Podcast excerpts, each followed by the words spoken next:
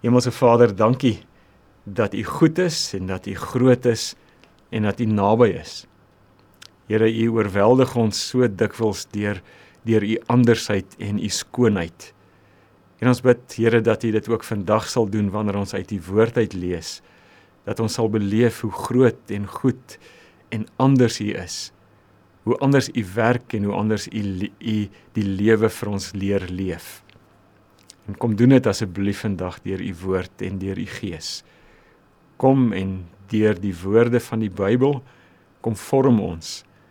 Kom verander ons en kom maak ons meer en meer soos Jesus. Ons wil by U leer, Here Jesus, want by U is die woorde wat lewe gee. Kom praat asseblief met ons. Amen. Ek lees uit Openbaring die 8ste hoofstuk en ek gaan vanaf vers tot by vers 5 lees. Dis 'n toneel hierdie wat afspeel in die hemel. Uh daar staan in vers 1: Toe die lam die sewende seël oopmaak, het daar stilte in die hemel gekom omtrent 'n halfuur lank. En ek het die sewe engele gesien wat voor God staan en daar is aan hulle sewe trompette gegee. 'n Ander engel het toe gekom en by die altaar gaan staan met 'n goue wierookbak. Daar is baie wierook aan hom gegee en dit saam met die gebede van al die gelowiges op die goue altaar voor die troon te om dit te offer voor die troon. Die rook van die wierook wat deur die engel geoffer is, het saam met die gebede van die gelowiges opgestyg voor God. Toe die engel die wierookbak geneem, dit met die vuur van die altaar volgemaak en dit op die aarde uitgegooi. Daar het donderslae, dreunings, weerligstrale en 'n aardbewing gekom. Ons praat vandag oor gebed en dit is 'n feit dat baie gebede waarskynlik die meeste gebede gebid word deur mense wat in die moeilikheid is. Dis 'n bekende stelling en is 'n waarstelling dat desperate mense bid. Desperate mense bid. Dit maak nie saak of jy dalk in 'n loopgraaf ergens in 'n oorlogsituasie is nie. Dit maak nie saak of jy in 'n krisistyd deur jou lewe gaan as as gevolg van 'n gesondheidstoestand, as gevolg van huwelikskrisisse, familiekrisisse, maak nie saak wat die krisis in jou lewe is nie. Dis 'n feit, desperate mense bid. Desperate mense roep uit na God. En en dis nie en dis natuurlik nie sleg nie. Ons moenie dink dis sleg dat mense uit desperaatheid tot God roep nie, want daar's iets mooi daaraan. En die mooi is dat dat ons Vader, ons liefdevolle Vader, sy gesig ook draai na mense wat uit desperaatheid bid. Al al al lewe hulle hulle lewe lank sonder hom. Al ignoreer hulle hom die res van hulle lewe wanneer hulle uit desperaatheid tot hom bid, dan draai ons liefdevolle Vader sy gesig ook na hulle toe. So kom ons sê vandag vir mekaar, dis nie sleg om uit desperaatheid te bid nie. Maar dit is nie genoeg nie. Dis nie genoeg om 'n lewende, groeiende, liefdevolle verhouding met ons Vader in stand te hou deur net uit te, uit desperaatheid te bid nie. Want dis dis hoe mense maak. Ons het nou reeds gesê baie mense lewe hulle lewe, maak staat op hulle eie insig, maak staat op hulle eie krag en dan net wanneer daar moeilikheid kom, wanneer 'n krisis opduig, dan bid hulle. En die vraag wat wat ek vandag wil vra is hoekom gebeur dit? Hoekom gebruik mense gebed as 'n laaste uitweg en nie as 'n leefwyse nie? Dallas Willard help my daarmee as hy sê die rede waarom mense nie gereeld bid nie of waarom mense waarom gebed nie deel is van 'n mens se lewe nie, is die manier hoe ons dink oor gebed. Hy sê as jy dink dat dinge op aarde mag gaan gebeur en in jou lewe gebeur en in ander mense se lewe gebeur soos wat dit gebeur of jy nou bid of nie bid nie. As dit jou ingesteldheid tot gebed is, dan sê hy dan raak gebed onmoontlik. En dan is al wat oorbly, as dit jou ingesteldheid tot gebed is, dan is al wat oorbly 'n leë hoogstens 'n leë ritueel. Gebede wat maar net gebid word omdat jy skuldig voel en of en omdat jy voel dis dalk maar die regte ding om te doen. Maar die maar die Bybel praat baie anders oor gebed. Ons sien dit hier in Openbaring 8 en op baie ander plekke, maar hier in Openbaring 8 die toneel wat in die hemel afspeel. Daar sien ons dat dat God baie anders dink oor gebed en dat God gebed baie anders hanteer. Hier sien ons in Openbaring 8 gebeur daar 'n merkwaardige ding. En dit is die hemel word onderbreek. In 'n sekere sin sou 'n mens kon sê die hemel kom tot stilstand. Want en hoekom? Want iemand is besig om te bid. Die hemel kom tot stilstand wanneer daar's iemand wat bid want en en, en so daar is hier ons lees hier daar's vir 'n halfuur lank is daar stilte in die hemel. Hoekom is daar stilte? Sodat daar volle aandag gegee kan word, sodat God kan hoor wat op die harte is van sy kinders, wat op jou en op my harte is.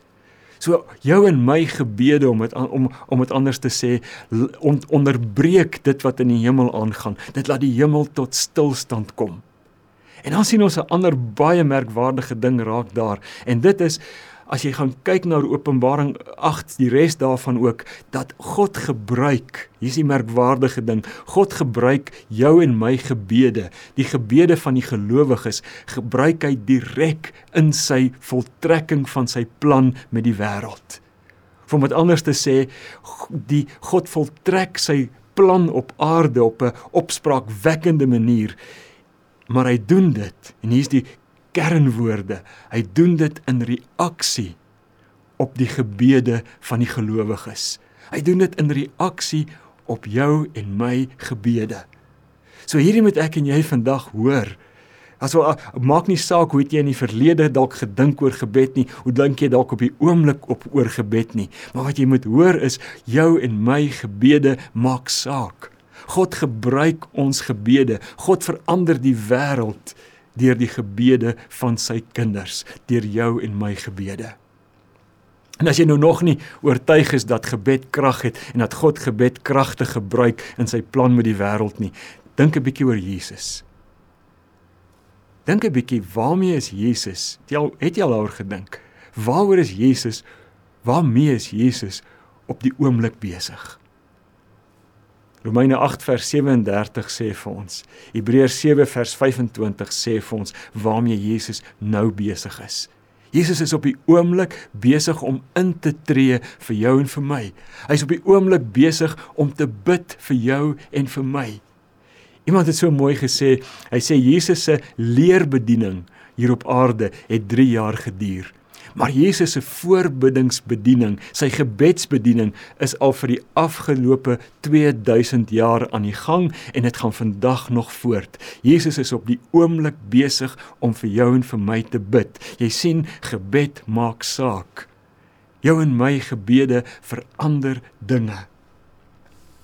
En tog Tog hierdie gebed is hierdie groot ding. Gebed is hierdie instrument in die hand van die lewende God.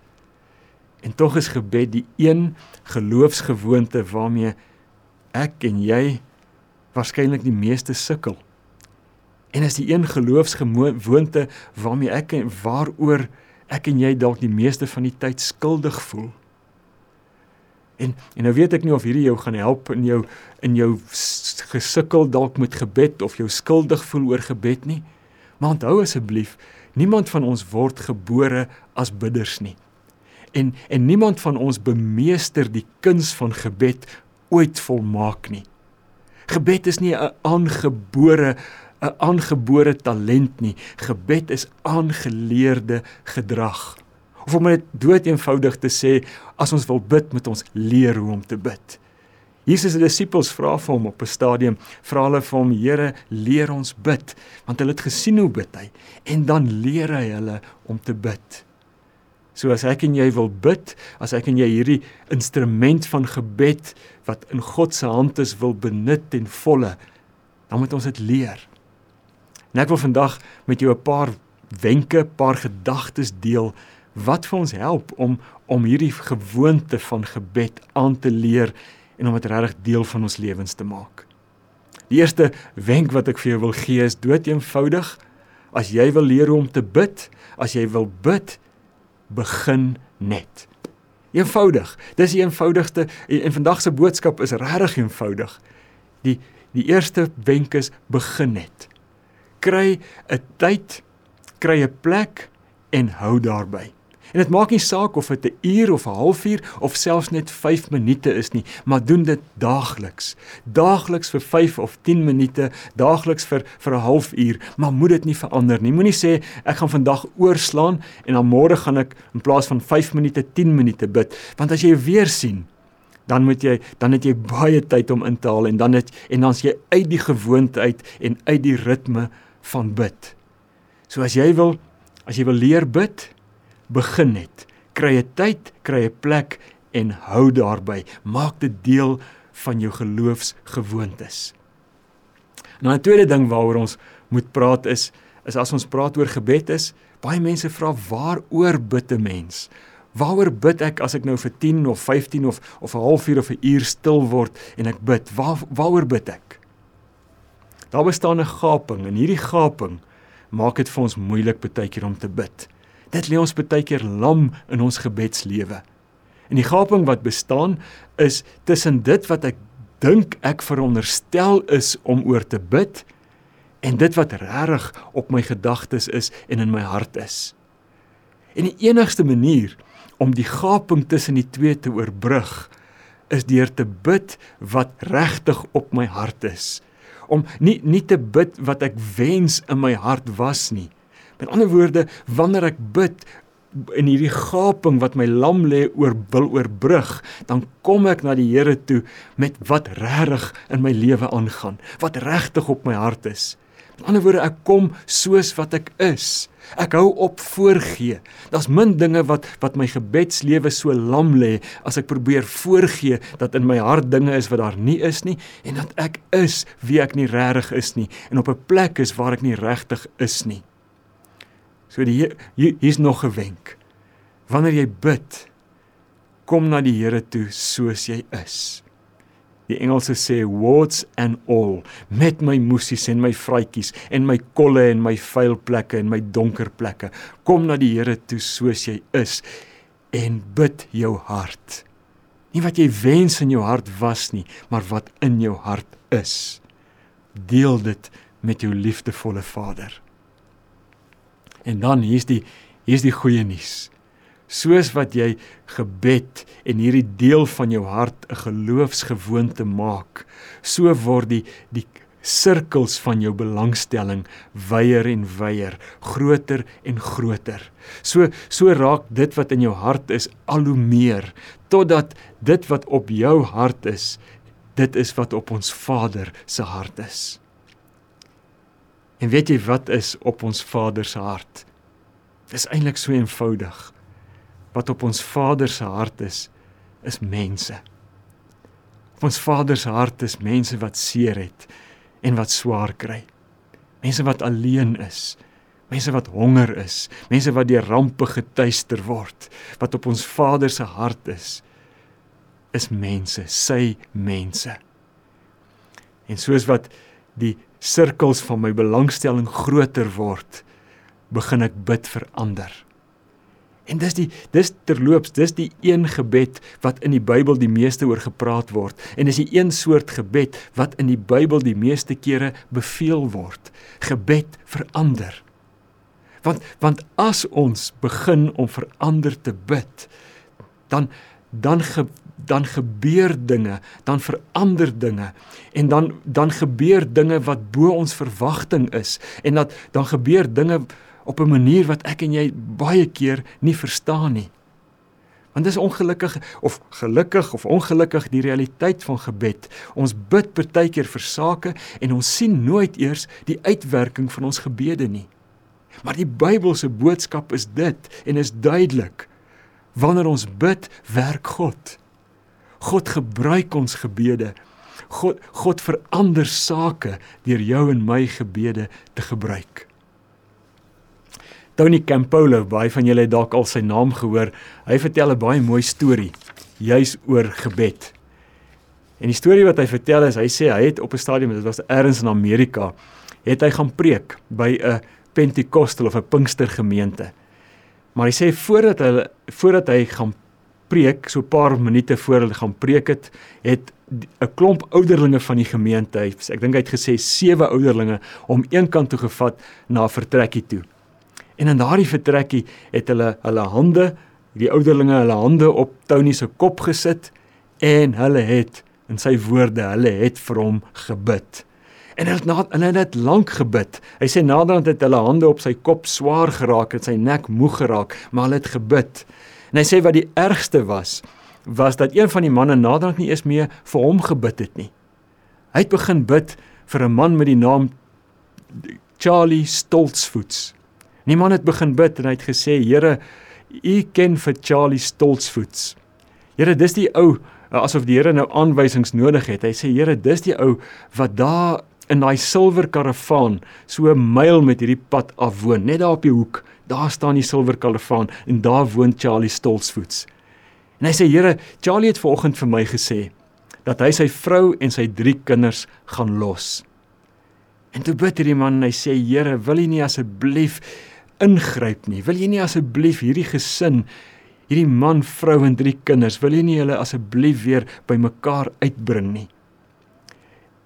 En uiteindelik eers het die gebede opgehou en Tony het gaan preek en toe vertrek hy en hy ry terug huis toe by die dorp uit.